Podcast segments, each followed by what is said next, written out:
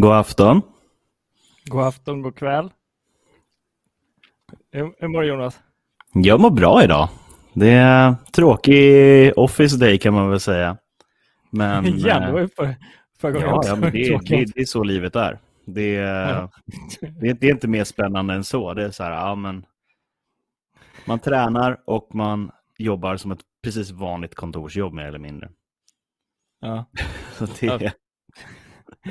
Raceförare har också kontorsdagar. Liksom. överglamor, gram, vad ska man säga, överglamoriserat Ja. till, till fingerspetsarna måste jag väl säga. Liksom. Det är så här, ja men F1 är väl en grej liksom. Där är det mycket Ja. resande fram och tillbaka, upp och ner liksom. Ehm, och sen gör inte förarna så mycket för att de har större management som gör kontorsarbetet åt dem så att säga. Men jag gör mitt eget. Mm. Hard work pays off in the end. Ja, men så brukar det väl vara. Någon måste göra jobbet. Man måste jobba. Kul att köra igen. Eh, vi ska se, jag tror jag är avsnitt 10 totalt på podcast och eh, nummer 3 live, så att eh, jag hoppas ni är med oss. Om vi kör live i Facebookgruppen som vanligt och jag kommer pusha ut på podcast efter dagen efter. Mm. Så att eh, ni tittare som är live i Facebookgruppen som har den, den, eh, den förutsättningen, är det bara peppra med frågor. Så att om det är någonting som vi dyker in i etc. etc. så är det bara fire the cannons så ska jag försöka svara och, och filosofera och tänka och analysera. Mm. Nice, men det har ju varit race nummer två, Jeddah. ehm, som jag tyckte väldigt mycket om. Eh, vi ska dyka in lite på racet och snacka lite om det. Mm. och eh, balansera lite om vad det är som händer i Formel 1 nu. Och eh, en annan punkt som jag tänkte filosofera lite om är läget runt omkring Formel 1 och vad som händer, eh, vad Formel 1 har fått för i- identitet eh, i och kring etiska arbete. Så jag ska försöka Mm. ranta Mm. lite om det. Okej. Ska du ranta till och med om det? Jag ska ranta lite om det. Så, eh, nej men generellt sett, ska vi, ska vi, eh, ska vi först lyfta på eh, lite korta åsikter om, eh, om racingen som vi såg igår. ja, det tycker jag. är- Eh, Stark säsong för Ferrari. Så är det. Jag såg inte Stark- hela racet, men jag såg delar utav det. Ehm, jag tänkte att det, det är bättre att stänga av när Leclerc leder, liksom, så slipper jag bli besviken mot slutet. Och det gjorde jag ju bra i. Men, eh,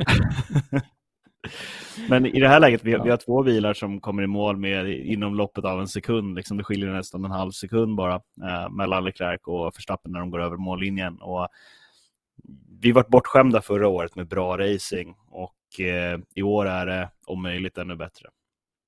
mm. Tycker jag personligen. Alltså, Ja, jo, men jag håller bara med. Jag kan bara lyf, lyfta hatten till de som har designat det nya reglementet. Det, alltså, det är race två nu och vi börjar faktiskt se att det har givit frukt. Så vi måste ha ett race tre innan vi verk- verkligen kan börja säga att det blir tight racing eh, Mm. och det är inte några tillfälligheter.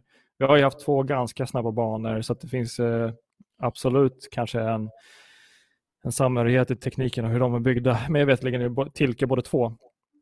Men eh, jag tycker vi faktiskt bör kunna ge lite cred åt, åt de som har byggt reglementet och eh, de matchar i alla fall hittills de här två banorna. Så att, eh, nej, men hats off till dem till, till racingen just nu. Eh, Formel 1 har Formel 1 har haft sina svårigheter eh, genom tiderna och vi har fått eh, både i gruppen och på andra, på andra ställen har diskuterats om hur svårt Formel 1 har haft det att ha racing som är spännande. Mm. Det har varit mm. toppteam. Det här är inte nytt. Det här har ju pågått i eh, årtionden tidigare. Det vet du också. Och eh, vi har ju absolut haft eh, dominanta tidsperioder under olika eror. Men eh, nu, det finns ingen längre som pratar om att Formel 1 är tråkigt.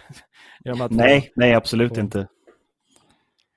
Och det är så passande nu när, när det har fått en rejäl liksom, popkulturell uppsving också. Att vi har riktigt bra säsonger som kommer efter varandra. Liksom. Mm.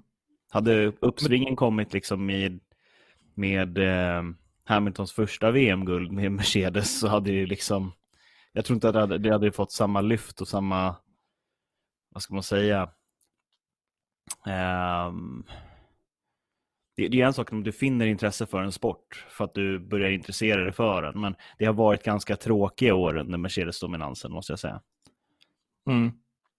Och Det är samma sak tycker Precis. jag när, när Red Bull in, i, klev in i sin liksom, dominansperiod så var det ri- riktigt spännande att se hur, eh, hur duktig Vettel var då.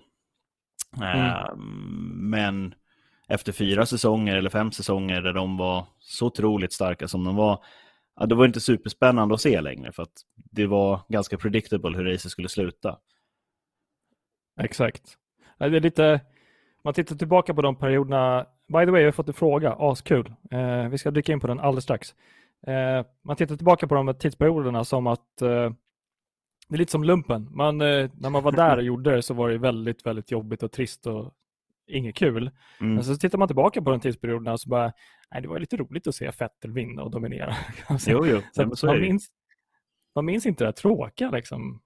Eh, Tycker jag i alla fall. Eh, Nej, och jag, jag tror att det där, det, det, det är nog ganska återkommande i, i all motorsport. Jag menar, det är många idag som bara, ja, men det var bra på den tiden när Schumacher dominerade med Ferrari, men jag tror inte riktigt att så här, många där och då tyckte att det var så kul att kolla på racen, så att säga. För Nej. att man visste att Ferrari skulle vara mycket snabbare. Redan från Precis. början. ja. På samma Nej, det var sätt inte så jäkla kul. Ja. Men det, det är som du säger, alltså det, vi, eh, det är så jäkla bra träffat att få in ett ny, en ny, eh, nytt reglemente och en ny typ av racing när Drive to Survive har lockat in så mycket många nya Mm. tittare. Så det, det blir ju faktiskt så här, okej, nu, nu råkar vi faktiskt servera racing på silverfat till er här som precis- har kommit in. Så att, eh, vi skulle sett när det är tråkigt. Jo, nej men precis. Det, ja. Ja. Ska vi smacka på en fråga här? Det, jag Kör på. Det, det är kul. Vi, eh, vi pushar ut den. Ehm, vad tror vi om Ferraris val av setup? Jag tror såklart de hade för mycket vinge i år, eller igår. Och vad tror ni om Melbourne med förändringar? Uh, tror nog Melbourne kommer passa Ferrari bättre då deras bil verkar vara mycket snabbare i kurvorna. Bra fråga. Mm. Ska, kanske vi ska försöka dela upp den lite och svara på piece by piece. Mm. Ehm, Vi kan börja med första Vill- delen av frågan, eller? ja, precis. Vill du ge på den eller ska jag försöka? Ehm, Jag har sett för lite av racet för att kunna svara på den egentligen. Ehm, För att kunna gå in i detalj. Så jag bollar över den till dig till att börja med. Ja, jag ska se om jag kan uh, Förklara vad du vet så kan jag analysera. Perfekt. Um, nej, men Ferraris val av setup igår. Uh, det var bra jag vet inte hur mycket Ferrari gjorde en analys av sina motståndare Red Bull när de valde sin setup. Eh, de har ju också ett motorpaket som de är trygga med och vet vad de kan få ut på rakorna. Eh, så eh, jag vet inte precis om de, de medvetet gjorde ett val att ha för mycket vinge. Jag tror nästan inte det. Jag tror de har de vet om vilken typ, vilka typ av svagheter de har. Och eh, Jag tror det finns en balans här i att välja setup när man racear mot Red Bull. Eh, för att när du, du, du bör, tänker jag, att man ska analysera banan när man kan göra omkörningsförsök. Eh, och Sen så finns det ju en liten, liten balans också att göra det tillsammans med hur du, kan, hur du ställer upp din, ställer din bil efter kvalet. För att i kvalet så, så fanns det ju en hel del tid att plocka i, i uh, kurvorna. Det såg vi på side-by-side-jämförelsen att, uh, att Leclerc plockade i kurvorna. är det där man gör omkörningar? Beats me. I, I, min värld så gör man det inte på Jeddah. så jag tror inte de har haft... Förlåt? Omkörningarna gör du DRS-zon i Formel 1. Det... Precis. Um, så absolut, jo det kan ha haft för mycket vinga i det fallet att, att de eh, omkörningarna gjordes eh, på raksträckorna på gädda. Eh, jättesvår fråga. Jag har svårt att säga exakt om, om, eh, om jag håller med om att de hade för mycket vinge. Eh, för att har du mindre vinge så har du inte den här stabiliteten ut ur kurvorna och kan, kan ligga på, eh, ligga på mot max. Svårt, svårt att svara på. Men jag tycker det var ganska bra val. Alltså det var en otroligt tight fight mellan, mellan Max och Leclerc. Så att uh, jag tycker inte, jag tycker, de, jag tycker det var ett bra val. Um, lite naivt svar på frågan kanske. De förlorar, um, med Ferrari förlorar racet med en halv sekund. Exakt. De, de har liksom gjort analysen på ett sätt ganska rätt. Kanske mm. marginalerna på fel sida. Eh, vingen är ju en del av setupen. Du har ju så mycket mer du kan göra med bilen. Och det, det kan handla om utväxling när det kommer till hur fort bilen går på rakerna. Det, det kan handla om, som du är inne på där, att ja, men det är för mycket vinge så att det tar stopp på raksträckorna för mycket. Men det kan också innebära att om du då ska kompensera mindre vinge med mer mekaniskt grepp så kan det göra att du kör slut däcken för snabbt istället. Um, så det, det, det är en ekvation där. Um, mm. Och uh, vi pratade inte supermycket om för fyra år sedan att det var fel på setupen när Ferrari och Red Bull låg 20 sekunder i mål efter Mercedes. Ehm, men, eh, men i det här läget när det är så lite som skiljer, då, då kan det faktiskt röra sig om saker som lufttryck och liksom små, små detaljer i setupen. Absolut. Mm. Ja, nej, det är skitsvårt att säga. Eh, vad tror du om Melbourne med förändringar? Eh, tror du Melbourne passar bättre med Ferrari, men deras bil verkar vara rätt mycket snabbare i kurvorna? Ja, Melbourne har lite längre eh, kurvor, längre svängar. En del rakar också. Eh, Får jag kolla jag tror, upp jag tror Mel... här, vad, alltså, har man förändrat Melbournebanan eller? Mig veterligen så har man inte gjort det. Eh, vi livepodd, så vi får kolla lite saker medan ja. vi livear, livear live. Eh, jag, tror, jag tror det kan bli ganska likt mot, eh, mot eh, Jeddah. Jeddah är mycket, mycket fler snabba kurvor. Eh, jag hörde Leclerc också kommentera liksom att men det är lika bra att sätta bara raker för då ser man faktiskt igenom kurvorna istället för att vi ska hålla på och köra en snabb, eh, snabb kurva, snabba långa kurvor för det är liksom samma sak. Det är bara full gas och svänga. Så mm, det är mm, mm. bättre att sätta raka raker. Så att jag vet inte. Alltså spontant sett så tror inte jag det kommer skilja speciellt mycket mellan setupen eh, Jeddah och Melbourne. De har några, några riktiga tajta chikaner i Melbourne, absolut. Eh, det kan vara till eh, Red Bulls fördel. Jag tror, eh, jag vet inte hur mycket, hur mycket rake det finns kvar på Red Bullen just nu. Jag har inte sett någon jämförelse på det mot de andra bilarna. Men det är där de brukar vara starka. Eh, Adrian Newey brukar ha en point i bil och eh, mig veterligen så gillar Max det också. Paris vet inte. Men jag tror inte det kommer vara så jättemånga stora skillnader. Men det är en bra fråga. Alltså det är jättesvårt att svara på. Um, vi låter den lite vara oskriven, men det är tyvärr två veckor tills vi får, tills vi får reda på vår, våra spekulationer ungefär börjar landa i rätt riktning. Ja, alltså det, Melbourne går ju inte lika rakt fram som Gädda gör. Um, har, har några hårda inbromsningar och vänder runt bilen på ett annat sätt mot vad uh, Albert Park har. Um, mm. så, det, så jag tror att vi, det ska bli intressant att se.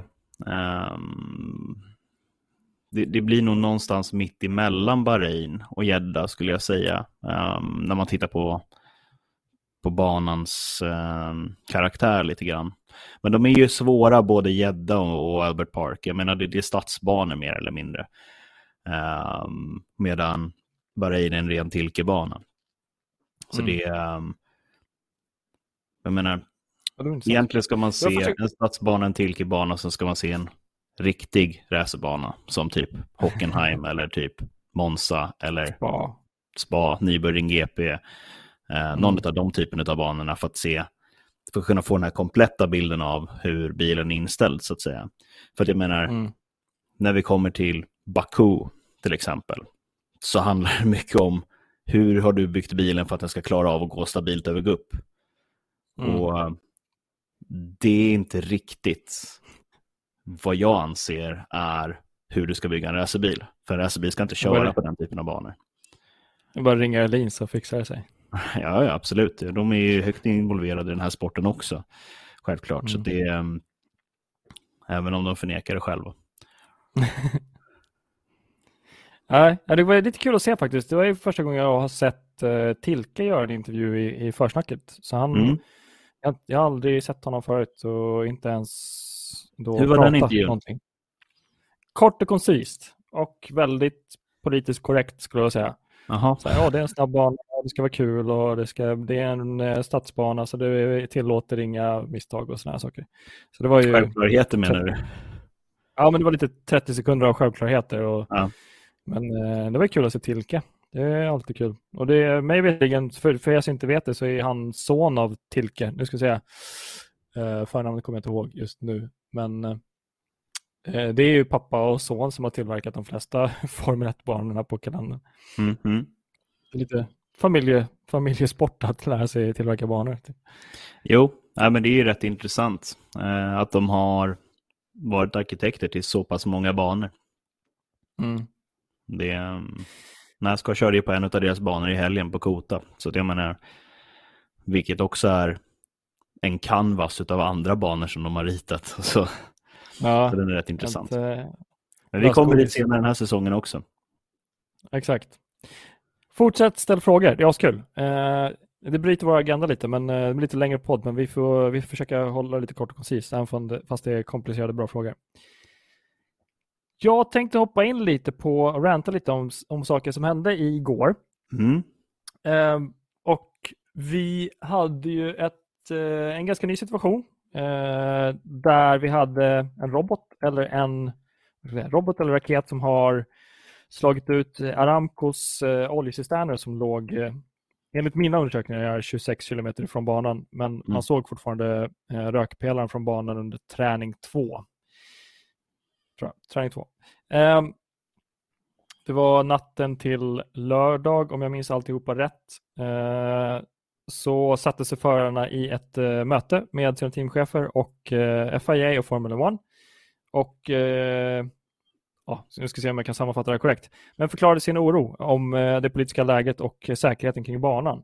Mm. Ehm, det var ganska makabert, eh, hörde jag en del eh, kommentatorer på plats, både internationella och svenska, förklara hur konstigt det känns när vi har en, ett, en terrorgrupp som, som attackerar platser kring banan och förarna inte känner sig säkra. Mm. Ehm, det ledde till ett 3-4 timmars långt möte. Jag tror det var klart runt ett på natten till lördagen. Uh, vi har haft BBC i alla fall som rapporterade om att uh, om inte förarna körde klart racet på söndagen så skulle de ha problem med att ta sig från landet. Um, I min värld så betyder det att man har satsat så pass mycket pengar och uh, så pass mycket marknadsföring på det här att, eh, och sätter sin säkerhetsanalys på spel att, att man ja, man kör med lite skrämsel, eh, skrämselförhandling. Att uh, vi måste lita på oss, annars får konsekvenser. Mm. Och Det är en kultur som jag inte har sett förut kring Formel 1 och gärna inte vill se igen. Um, så vi, vi har ju en ganska intressant situation när vi har en... Jag gick igenom det här lite i, i helgen uh, och tittade på uh, um, The Economist har gjort en Democracy Index över vilka länder i världen det är som har placerat sig på en fyrgradig skala, eller fyr, fyrgradig totalskala. Mm, och mm. vi har tre stycken länder i år på Formel 1-kalendern som eh, placerar sig under auktoritära regimer. Mm. Eh, så det är Bahrain, det är Saudiarabien, det är eh, Abu Dhabi och Azerbajdzjan. Fyra stycken tror jag. För. Mm, mm. Eh, Bahrain är den lägst med lägst, lägst poäng och är minst eh, auktoritär. Saudiarabien som körde igår är mest högst. Um, om man ska ja, om man inte vill titta på racen under de här fyra, eh, fyra nationerna så förstår jag verkligen det. Eh, för att, eh, Formel 1 har ju en, vad ska man säga, de har en, eh, en etiskt arbete som de definierar som We Race as One. Det startades under, eh, under tiden när vi hade, nu minns jag tyvärr inte hans namn, ursäkta för det, eh, men vi hade en, eh, en polis som eh, kvävde ihjäl en, en, en mörk människa i USA eh, och det skapades ganska starka protester kring det. Eh, så där startades Black Lives Matter som jag vet att Lewis Hamilton var väldigt stor och bakom. Ehm, och då reagerade med Formel 1, reagerade med We Race as One, etiska arbetet. Någon får gärna kommentera om jag missar detaljer här. Säg fel. Ehm, så We Race as One har ju alltid funnits och det blir en, en analys av moralen som Formel 1 driver samtidigt som man är, kör i auktoritära regimer. Mm -hmm. Jag tycker vi ändå ska prata om det och försöka lyfta lyfta kritiken eller lyfta förståelsen varför man gör det. Eh, jag tittade och lyssnade på en podd idag eh, där det var en, en person som sa ganska klokt att eh, Formel 1 har blivit en global sport. Mm. När man är en global sport så kommer man in på sfärer eller om vi inte vill ha en global sport kan vi fortsätta racea i Europa bara och så har vi en ganska silobyggd struktur kring vår sport och, och, eh, kan inte sprida den eh, längre än så. Men när vi är en global sport, då har vi de här problemen och eh, om man inte är en global sport, då har man också de här problemen att man liksom säger nej till andra eh, kulturer och religioner. Det blir också ett typ av statement och ett problem att säga att vi i Europa, vi ska bara resa i, i eh, så att säga, etiskt korrekta länder. Men det blir också en typ av liksom negligation mot den, eh, den andra typ, delen av världen och inte kunna liksom, eh, visa. Eh, det, det, skapar också en silo. Om vi säger att nej, vi ska inte köra i de här länderna. Eh, ni får sköta er själva. Det, det, det föder ingen diskussion. Eh, när man är en global sport som vi är, då, har man ju, eh, då tar man problemet till en, en eh, global arena och i, i sådana sekvenser som det skedde igår, då måste man börja prata om det här. Eh, eh, varför sker det här? Eh, vad har vi för etiska riktlinjer? Vad har jag som etisk riktlinje som eh, fan? Vad har mm. jag för, vad, vad har Formel 1 för etiska riktlinjer? Och var drar jag min gräns för att kolla på ett race eller inte? Mm. Ehm, long rant. Eh, avbryt mig om, om det är kommentarer eller frågor. Så att, eh, I min värld så lutar jag mer åt att försöka göra förändringen ifrån.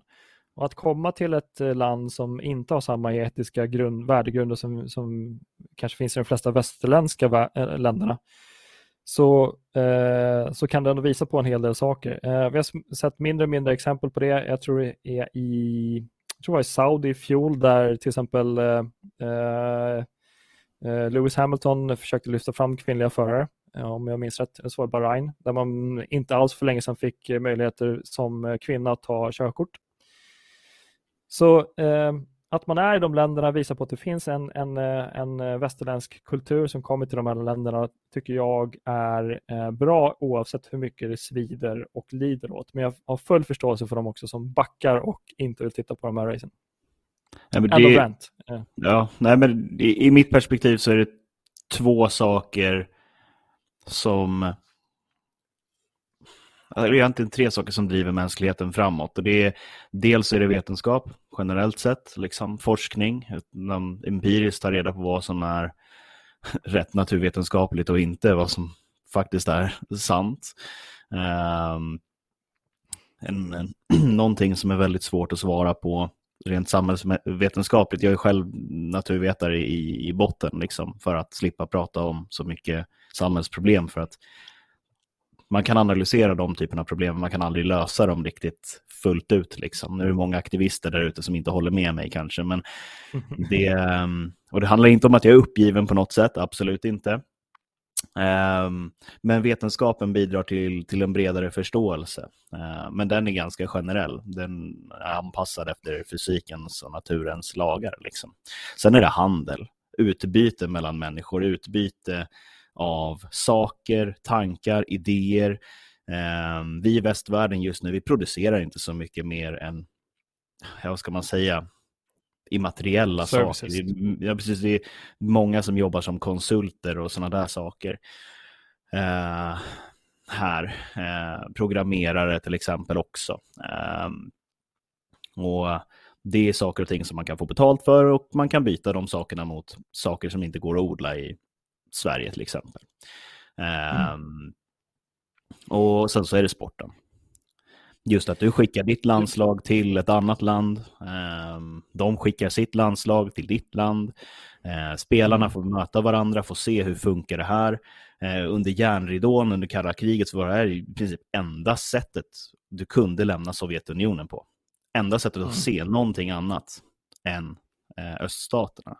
Och det är självklart att det färgar och på många sätt kanske förändrar personerna som har varit där ute. Och det, det är samma sak som jag hade senast under julen en diskussion med eh, en som har lämnat Sverige för att bo någon annanstans i världen, så att säga. Man får en helt annan bild av sitt eget land, av att se sitt hemland ur en annan kulturs perspektiv.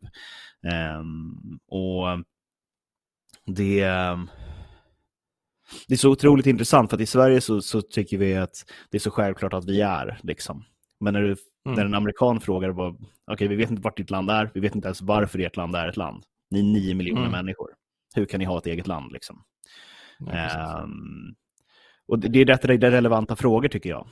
Um, och som du är inne på också Martin, att det, det här är väldigt tunga frågor för mig och liksom och gröta. Jag ska inte göra det som idrottsman heller egentligen, utan jag ska fokusera på min sport och låta um, vad ska man säga, samhällsvetare ta de här sakerna egentligen. Men Mm. Eh, som du säger, att när vi kommer till med en sport som är ägd utav västvärlden, eh, för det är faktum. Liberty Media mm. eh, är ett västerländskt företag ehm, mm. och har en enorm, enorm politisk makt.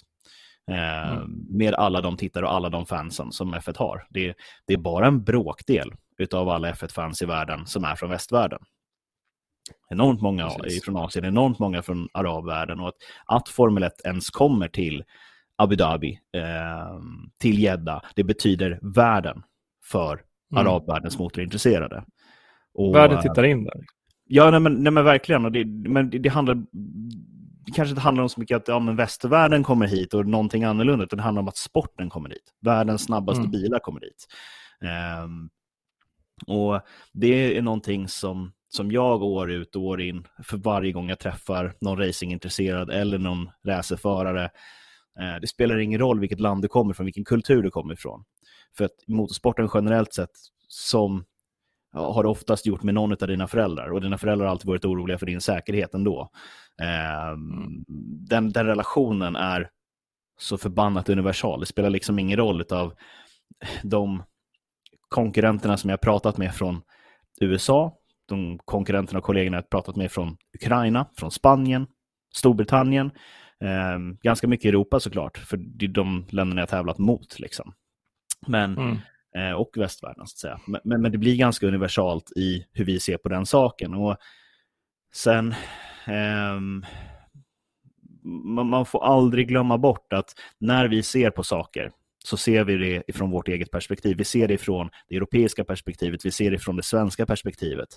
Och eh, vi svenskar är ju, vi tycker ganska mycket. Um, och sen så är vi väldigt, väldigt passionerade i hemlighet. Um, mm. Vi pratar inte så mycket om vad vi gillar att göra. Det gör vi när vi har pratat med en människa i kanske två timmar. Då kan vi komma in på det. När vi har pratat färdigt om vädret, vart vi bor någonstans, vart vi är uppväxta kanske och vad vi jobbar med framför allt. Då. Exakt. Um, till skillnad från väldigt många andra kulturer. Så det, man får liksom aldrig glömma bort att när, vad heter det, ehm, när vi från västvärlden säger att, ja, men, från Sverige egentligen säger att ja, men, det är klart att vi inte ska köra F1 i Ryssland. Eh, vi ska också tänka på att just vi kommer från ett land som i skolan får lära oss att ja, men nu har vi varit i krig med Ryssland 63 gånger. Vi skriver prov om det här i historien. Vi analyserar saker och ting kring just det landet i samhällsvetenskapen. Vi blir liksom på ett sätt lärda att eh, mm.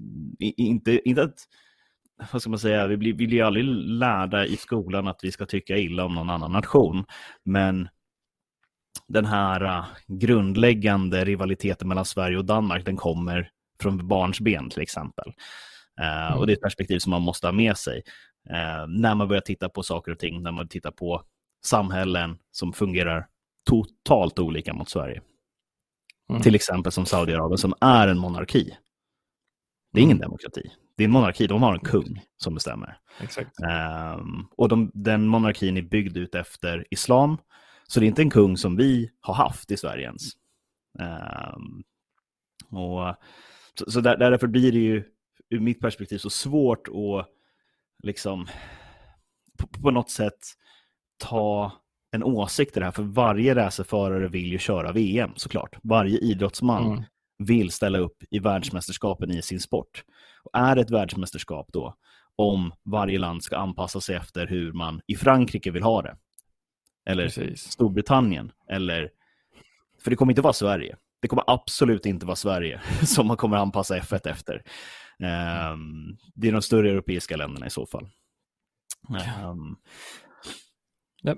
Så, så Nej, jag det... över mycket, mycket liksom till i liksom själva analysen, är det här rätt eller fel, till samhällsvetare. Men vi får mm. inte glömma bort att precis som ni som sitter där ute och precis som jag som älskar F1 så finns de här människorna över hela jorden och jag är så vansinnigt tacksam för det. För det för mm. oss samman. Mm. Um, och det är också det ger också en plattform att kunna diskutera saker. Okej, vi är intresserade av Formel 1, vi kan börja prata där. Sen kan vi börja Precis. byta kulturella inputs. Exakt, du måste hitta en isbrytare någonstans. Jag, eh, jag pluggade ekonomi på universitetet och eh, det var i alla fall kopplat till eh, samhällsvetenskapliga institutionerna förut, inte, inte längre, det är en egen fakultet. Men för att göra en avslutande analys på vad det är som har hänt senaste åren med Formel 1, kanske ta 5-10 åren, så gör jag det i en ekonomisk synpunkt. För där har jag faktiskt lite mandat att uttrycka mig eftersom jag pluggat ekonomisk historia och företagsekonomi. Och det som har skett med Formel 1 är att Formel 1 i sitt DNA är en racingserie där man vill ha no limits för ekonomi och för farten. Det ligger liksom i DNA att vi ska bygga den snabbaste bilen som någonsin går. Eh, uh, ingen limits. Uh, hur mycket pengar som helst. Du får kasta in triljoner om du vill det. Det har gjort att resten av uh, komponenterna kring Formel 1 följer med. Eh, kostnader kring banor, kostnader kring utveckling, löner, hela konkarongen blir större och större och större. Vad hände då? När eh, man dels nåddes under 2008 av den finansiella kraschen och sen så nådde man, nåddes man under eh, 2019, 2020 av corona. Eh, man signade Saudiarabien under corona, mig veterligen. Eh, man har vuxit så pass mycket så att man börjar få slut på pengar i den västvärlden man finns i och titta sig mot andra delar av världen där det finns pengar lite mer obegränsat. Och då måste man titta, tyvärr ekonomiskt sett, på de här eh, regimerna. Så det är det som har skett vi har vuxit så pass stora så att vi måste titta på eh, en, en eh, ekonomisk intäkt från eh, länder där, som faktiskt kan betala för den här stora konkurrensen som finns. Tack, tack, tack, eh, tacksamhet finns eh, också till den här diskussionen som just nu sker kring kostnadstak. Så finns ett kostnadstak. Det är jättebra. Eh, där någonstans behöver vi starta arbetet för att långsamt kanske välja lite mer pick and cherry för att vi har ekonomisk möjlighet att pick and cherry till vart vi faktiskt vill köra och då kan vi börja köra Sölvesborg och Visby och Gotland. Det, det, vi kommer aldrig komma dit om vi inte själv gör en självrannsakan först och tittar på att vi faktiskt kostar för mycket. Så ur ett eh, ekonomiskt perspektiv så, så har vi skjutit oss i foten och måste därför köra på platser där vi kan få in pengar. Liksom. Eh, på gott och ont. Just nu lite på ont eftersom det sker raketskjutningar typ två kilometer från banan. Um, men end of rant, vi ska snacka lite mer racing. Uh, mm. End of politics aspects. Uh, bra, jag har faktiskt, vi har kört ganska lång tid så jag, ty tycker, jag tänkte hoppa in på, på lite vi hade det förut i podden. Eh, podcasten eh, har ju funnits eh, tio, typ tio avsnitt. Vi har kört lite tidigare, tagit upp några flaggor som vi tycker är bra. Och vi har kört raceflaggor. Så vi har gröna, gula och röda. För er nybörjare så är ju en grön flagg typ race, kör. Alltså det är fritt på banan, det är bara att gasa. Vi använder det som en, en, eh, en positiv utmärkelse till någonting som har hänt i racet. Gul flagg, gul flagg, sakta ner, det går inget bra ungefär. Eh, sen röd flagg är ju ungefär dåligt. Eh, that. Eh, så avbryt mig och analysera mina punkter här om du tycker att jag hittar på någonting som är konstigt. Mm. Men vi börjar. Eh, racet igår. Eh, grön flagga till Leclerc. Eh, vi måste ändå sätta honom i fokus tycker jag. Eh, Ja, absolut. Människan ligger på the pinnacle of motorsport i Formel 1. Eh, han ligger på ett helt nytt eh, vad ska man säga, tekniskt reglemente. En helt ny bil, eh, andra, andra racet. Och med en motståndare som är en världsmästare. Han ligger och racear mot världsmästaren ungefär eh, första tredjedelen under racet eh, ganska betalt. Sen sista tredjedelen ungefär 10-12 varv så, så drar han en fjäder ur hatten och lurar sin motståndare som är världsmästare att kunna bromsa på sig, bromsa för tidigt in i eh, DRS-zonslinjen. Eh, alltså det är, nu, nu är vi på den eh, höga nivån som man har längtat till. För man längtar på något sätt i Formel 1 att bli förvånad över hur pass skickliga förarna är. Och Det här vi snackade om förra podden. Leclerc och Max är inte nya rivaliteter. De är lika gamla. De har kört i gokart mig veterligen. Eh, Max körde bara en, en, ett år i eh, serierna under Formel 1. Så att de här rival, rivalerna eh, finns sedan tidigare. Och att då vara så iskall som Leclerc är och göra en luring för att få Max och ja, du fattar. Eh, ja, ni har sett sekvensen. Jag förutsätter att ni har sett racet. Så stor grön flagga till Leclercs iskallhet. Där att bara, nej, jag, jag bromsar, bromsar, bromsar. Sen släpper jag så kör jag vidare så kommer inte han komma ikapp ändå. Nej, det är briljant. Det är stor grön flagg. Verstappen är ju het. Och, han, är het. han visar igen. Ja, absolut. Han är superhet och det är många gånger kan jag tänka att det är jag ska inte döma ut hans racecraft riktigt ännu.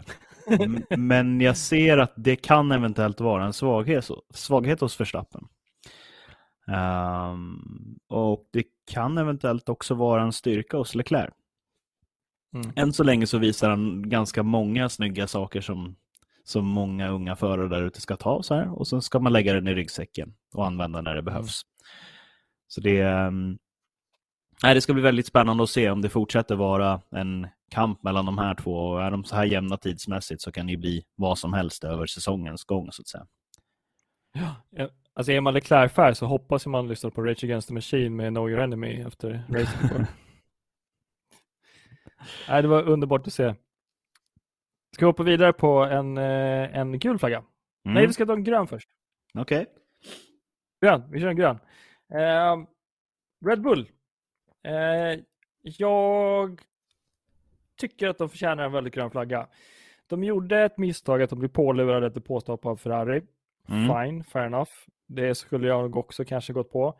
Men eh, dels att sätta Perez på pole. Det är ju applåder igen till eh, mexikanaren. Mm. Eh, äntligen fick han sitta på pole. Eh, men sen hur de förvaltar sin, sin agila analys under racet Agil betyder att man snabbt ställer om till det som behövs och eh, elim elim eliminerar waste. Att man så snabbt som Red Bull ställer om och fattar läget, det är ju fantastiskt.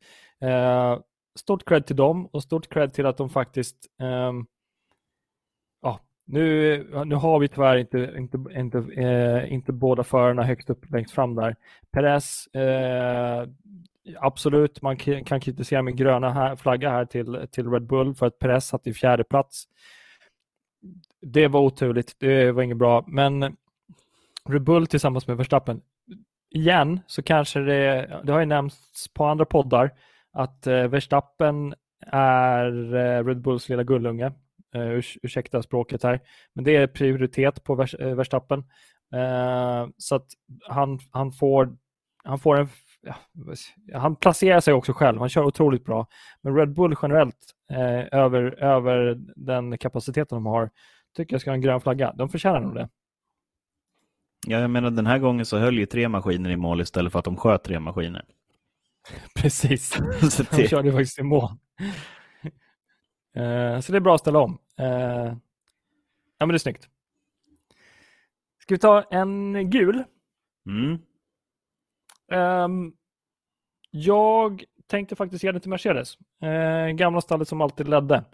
Mm. Eh, jag skulle vilja ge den till dem för att de, eh, det sa ju Toto Wolf i slutet på kvalet eller början på racet, att vi har de har problem, att hitta med, problem med att hitta vad, vad deras problem är. Mm. Så de har valde inför kvalet helt, två stycken helt olika strategier um, och setups på bilarna. Uh, George fick en som var ganska standard, som jag fattar som en ganska liksom, uh, low risk inställning. Mm. Och uh, Hamilton gick ut och tog en ganska high risk, high reward inställning och det lönade sig inte alls. Ehm, satte väl den på, kom inte ens vidare till Q2 det var ju första gången på, vad var det, typ väldigt många år. Mm. Aslänge, säger vi. Uh, och det var ju ett, en kalldusch, men jag tycker det är värt det. Uh, från med, det är därför de får en gul flagg och inte en röd flagg. För att man måste i de här lägena när man, när man har sån kapacitet som de har, då måste du ta reda på varför det händer det, det, som händer. Mm, mm. Och ibland för att göra det så måste det liksom gå extremt åt ett håll med ena bilen, extremt åt ett annat håll med andra bilen. Och då var det ju Lewis, antar jag, som, som eh, sträckte upp handen och sa att jag tar de här, eh, den här inställningen för att jag, jag testar och ser vad som händer. Ehm, det gjorde att, eh, om jag minns rätt, så startade Lewis 15, kom i mål 10 plats. Så en, en bra också ehm, Sen, sen, ska vi fortsätta på, på den här gula gulflagganalysen. De borde ha varit mer reaktiva under Safety Car-perioden. Mm. Um, om jag minns rätt så hade vi eh, teamet som gick ut på, på radion och sa att eh, vi ska antagligen vi ska in det här eh, vi ska in det här varvet men vänta på en bekräftelse. Så då gick det ett halvt varv till och Lewis väntade på en bekräftelse och den bekräftelsen att han skulle in kom typ 200 eh, meter för sent. Mm. Så att eh, Lewis körde vidare och eh, därmed eh, under det varvet när han körde vidare så stängdes, eh, så stängdes depå, depån så att han kunde inte komma in och göra ett byte på däcken. Där borde man varit mer reaktiva. Där är det också en sak som jag vill nämna att eh, Mercedes väntar på för hög reward på sina risker. Mm. I det här läget så borde de bara, okej, okay, eh, vänta inte ett halvt varv till på att det kanske kommer en, en annan typ av gul flagg eller safety car. Gå in Nej. och sätt på nya däck på Lewis. Du kan inte hålla på och riska när det liksom ligger på 15-16 plats eller något sådär start och så. Så där eh, tycker jag är lite dåligt av, eh, av Mercedes att vänta på för hög reward du, man kan inte gambla när man ligger där. Nej, nej, nej. nej. Så det är väl det. Med gula flaggor så har jag två stycken röda som jag skulle dela ut. Mm -hmm. Fortsätter ranta på det. Eh, den första vill jag dra till eh, McLaren. Okej, okay. varför då? Eh, jag tycker att som tredje eh, som tredjeplacerare på konstruktörsmästerskapet i fjol så bör man inte ligga längst ner i mittfältet nu. Nej, uh, Nej det är relevant. Du, du, om du kommer trea i fjol så ska du inte ligga längst ner och fightas med liksom Williams. Uh, till råga på det så har vi en DNF uh, igår på, på Ricciardo. Om jag, fått om jag minns rätt. Norris gick i mål på sjunde plats och absolut, det är bra.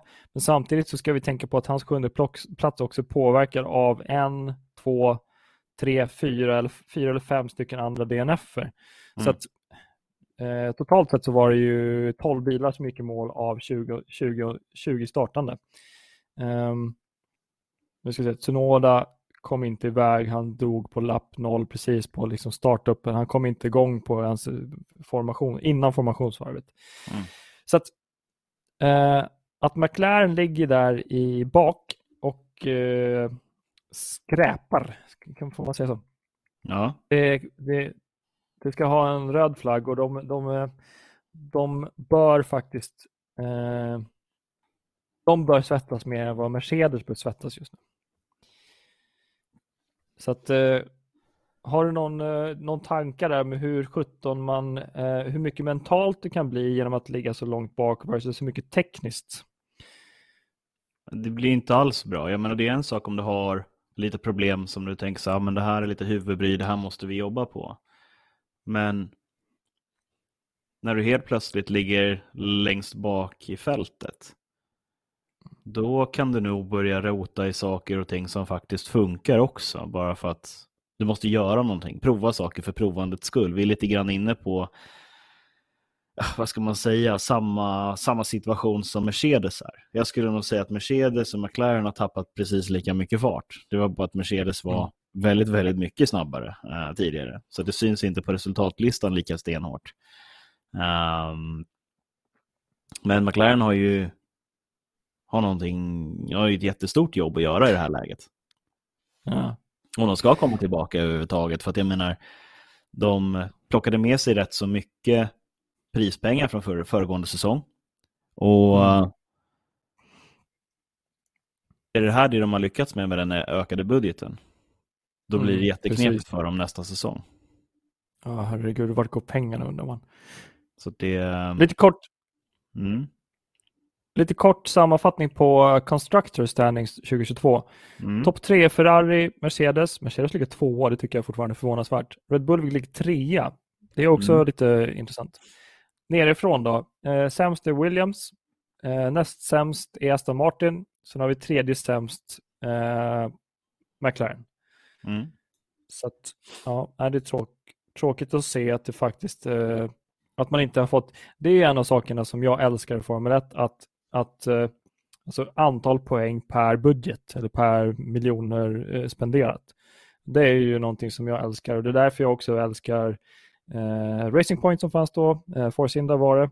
De hade en av de lägsta budgeterna men fick eh, högst poäng i förhållande till eh, antal miljoner man, man plöjde ner i teamet. Ursäkta.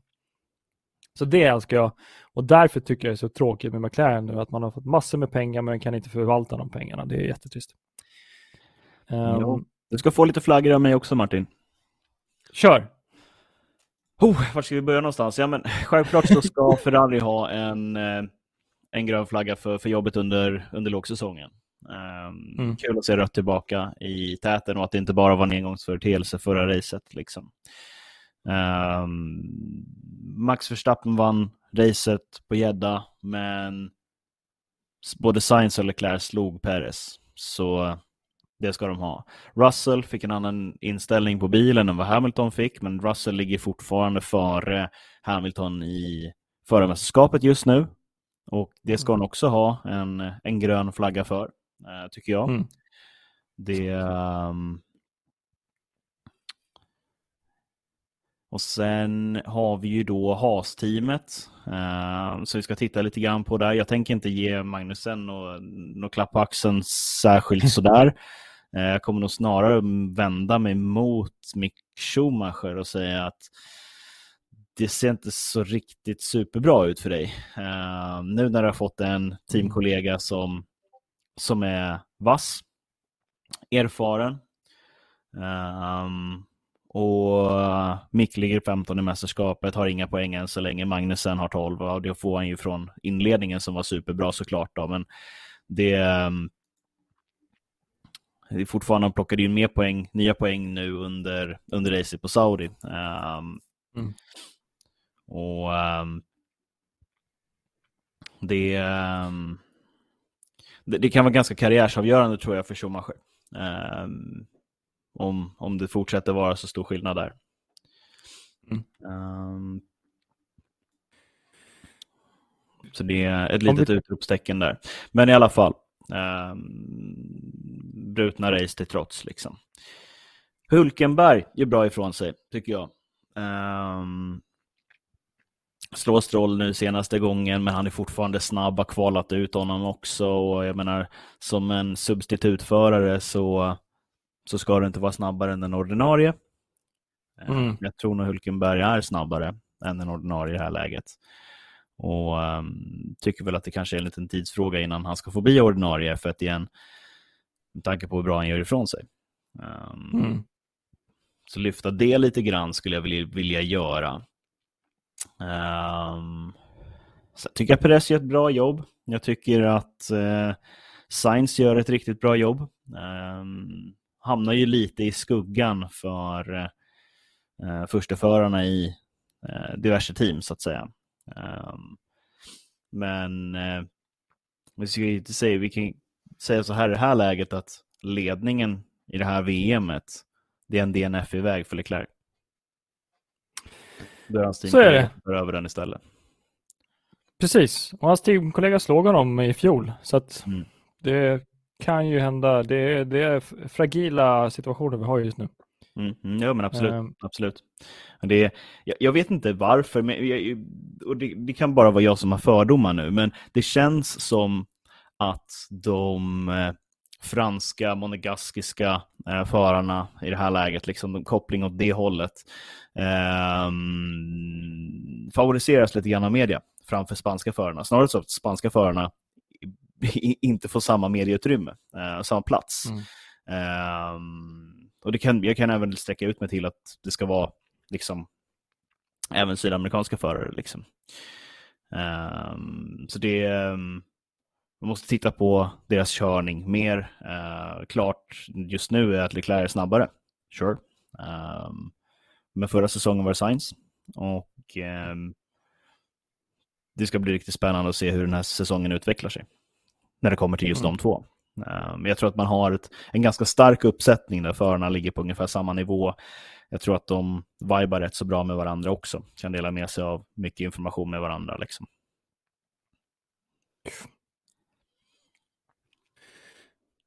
Nej. Och sen tycker väl jag att man skulle kunna ge en röd flagga till Fia för att man fortsatte köra ett race där det bombas i närheten. Liksom det... Nej men på, på riktigt, det, så här, det, Ja. Ehm, ett sportevenemang ska vara säkert, det ska vara roligt. Liksom. Och det, Mm. det är en sak om, eh, om, om det sker terrordåd i anslutning till, till ett evenemang och det är hemskt, absolut. Ehm, men är det som du säger, en robotattack, då är det liksom det är ingenting du snickrar upp i, i köket. Liksom. Det är ingenting du gör i ett garage. Ehm, Nej, det, är, det är ett större hot på det sättet. Liksom. Nu tror ju inte jag att ett evenemang är för någon intressant att bombardera. Då är ju en oljedepå intressantare liksom, om man ska ha någon liksom, framgång Mm. så. Men, men det, det, jag tycker det är konstigt av Fia att säga att Nej, men det är ingen risk. Den slog ju Mm. ner flera kilometer ifrån. Liksom. Och då säger jag, ja, Mm. men, ni, ni kan stänga Eh. arenan för pandemin, men ni kan inte göra det här. Ja, precis. Jag har hört mig lite för och jag tittade också på, eh, på en del officiella källor eh, samt har svaga minnen för, från eh, vissa andra krig. Och eh, det har skett tidigare, jag vill inte säga att, så att det här det är, är så, men det var en Twitterkälla som sa det att det var så. Att eh, Houthi-rebellerna som har gjort den här eh, attacken mot Aramco eh, oljedepåerna har eh, kommunikation med, eh, med eh, Saudi-regimen och har eh, i princip sagt att vi, eh, vi pausar med attackerna under helgen. Eh, vi kommer ta upp kriget igen på måndag, typ. Eh, så att det, det är spekulation från min sida och det är en sammanfattning utifrån eh, de, de analyserna jag, jag har gjort, så ta det inte på, ta det inte på fasta. Men eh, jag tror att det är ungefär den här informationen som har getts till förare och till teamchefer. Jag tror, jag spekulerar nu, det tar inte, och det får man göra, eh, tar inte fasta på som fakta. Och att det är självklart att man sitter som förare och bara, men hallå, jag, jag kommer inte jag kommer inte lita på att du har fått ett sms av Houthi-rebellernas ledare att han inte ska skjuta på söndag. Liksom, Nog att du ska sätta dig i en racerbil och köra 300 km i timmen och smäller du kan du dö. Liksom. precis. Det, är en risk man liksom, det, är, det, är, det är en del av riskanalysen man har sagt att okej, j- jag går med på det här. Det här jag, köp, jag Ja. köper den risken. Liksom. Precis. Ehm. I det här fallet är det jag som håller i ratten, men just nu är det Mm. du som står för kommunikationen på raketerna. Det, det litar Mm. jag inte på. Liksom. Nej, men det är ja, eh, konstig situation. Men du slängde iväg en fråga också angående eh, Leclerc och Verstappen. Ja, det var lite kul. Eh, Jag blev lite nyfiken, för i fjol så hade vi en liknande fråga om vem det är som folk håller mest på i gruppen. Mm. Och det var överväldigande, eller nej, det var inte överväldigande, men det var lite mer som höll på Max Verstappen versus Lewis. Så jag kastar Mm. iväg frågan nu i alla fall. Eh, om det står mellan Leclerc och Max, vem håller ni på? Och då Mm. är det alltså dubbelt så många som håller på Leclerc än på Max. Mm. Så att vi kan konstatera att Nej, jag, jag är inte heller jätteförvånad, men vi kan kon konstatera att det finns det finns eh, alltså nu kan vi kanske inte jämföra eh, Max och Lewis för att det är helt andra värderingar bakom det. Men vi kan i alla fall säga att eh, det är dubbelt så många som håller på eh, Charles versus Max och det tycker Mm. jag är intressant. Varför då? Det är väl inte så konstigt. för Den ena, den ena har röd overall, den andra har inte det liksom. Fair enough. Men eh, det, gör ju, det, det gör ju lite att man skulle nästan kunna eh, analysera om det är vissa, vilket man får absolut, om, man, om det är vissa fans som byter, eh, byter supporter när det, när det är liksom A mot B. Jag tror om man hade haft fler alternativ så hade det absolut varit en del som höll på Kevin Magnussen och Perez och etc. etc. Och, och sådär och Lewis. Så att, eh, vi kanske ska göra en poll snart om, eh, om eh, Max versus Lewis igen lite senare på våren. Det skulle vara kul. Mm, jo, jo. Det, jag säger som jag sa inför finalen och efter finalen, jag håller inte på någon av dem för mästerskapet. Det, får jag någonting annat att välja på så blir det nog det tror jag. Fair enough. Coolt. Ehm, vi börjar lida mot en timme plus. Eh, så vi kanske ska, ska, är det några last comments, last ideas? Vi har eh, Australien som nästa race om två veckor, ja två veckor minus en dag. Det kommer kännas lite som en nystart tycker jag, för att Australien brukar vara det första racet på året. Mm. Och då har vi, om jag räknat rätt, så har vi ju inklusive Australien ja, 21 race kvar. Så det blir nästan som ett nystart. Och man bara, åh, Australien igen. Och Ricardo kommer spela cool och alltihopa. kommer spela cool och alltihop. Ja, jo, nej, men det, spela. Australien är alltid roligt. Det, så är det ju. Och det, ehm, på något sätt så, så håller jag med dig där. Det kommer kännas som att okej, men nu är säsongen igång. För nu, Mm. nu är Australiens GP och man har kört det liksom. Ehm, så det, sen är det en rolig bana att titta på. Synnerhet kurva ett efter starten. Liksom. Det, Ja, det är ehm, grym. Grym bana. Jag brukar försöka köra den när jag kör Formel 1-spelet. mm.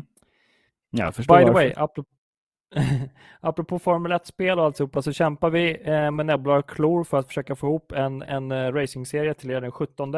Vi får Mm. se. Eh, vi siktar på det. Eh, vi hoppas på Roy Land. Vi ska inte lova för mycket, men chanserna just nu ser bra ut. Eh, med det sagt, med Australien framför oss, finns det några avrundade ord? Mm, nej, jag tror inte riktigt det. det. Vi har en riktigt bra säsong framöver. Igen. Mm. Återigen så har vi en riktigt bra säsong. Och ehm, det ehm, problematiken som Mercedes har runt i grytan och problematiken som McLaren har rör också runt lite grann i grytan och framgångarna för Ferrari runt också. Så att det, det är väldigt, väldigt svårt att, att förutsäga vad som kommer hända. Än så länge har vi kört två race, vi har två olika vinnare. Jag hoppas det fortsätter så. Kan vi få se en tredje vinnare i race tre, ja, ja då, då är vi på väg någonstans. Ja, verkligen. Asmysigt, askul. Eh, tack Jonas igen. Tack själv Martin. Tack, tack också till alla som har supportat oss med eh, dator, teknik och eh, våra patrons. Eh, shout out till er och våra supporters. Eh, jag hoppas att vi ses online. Vi eh, ses i alla fall senast eh, efter Australien ska vi köra en till podd. Och eh, tack för ikväll. Tack så mycket för ikväll. Hej!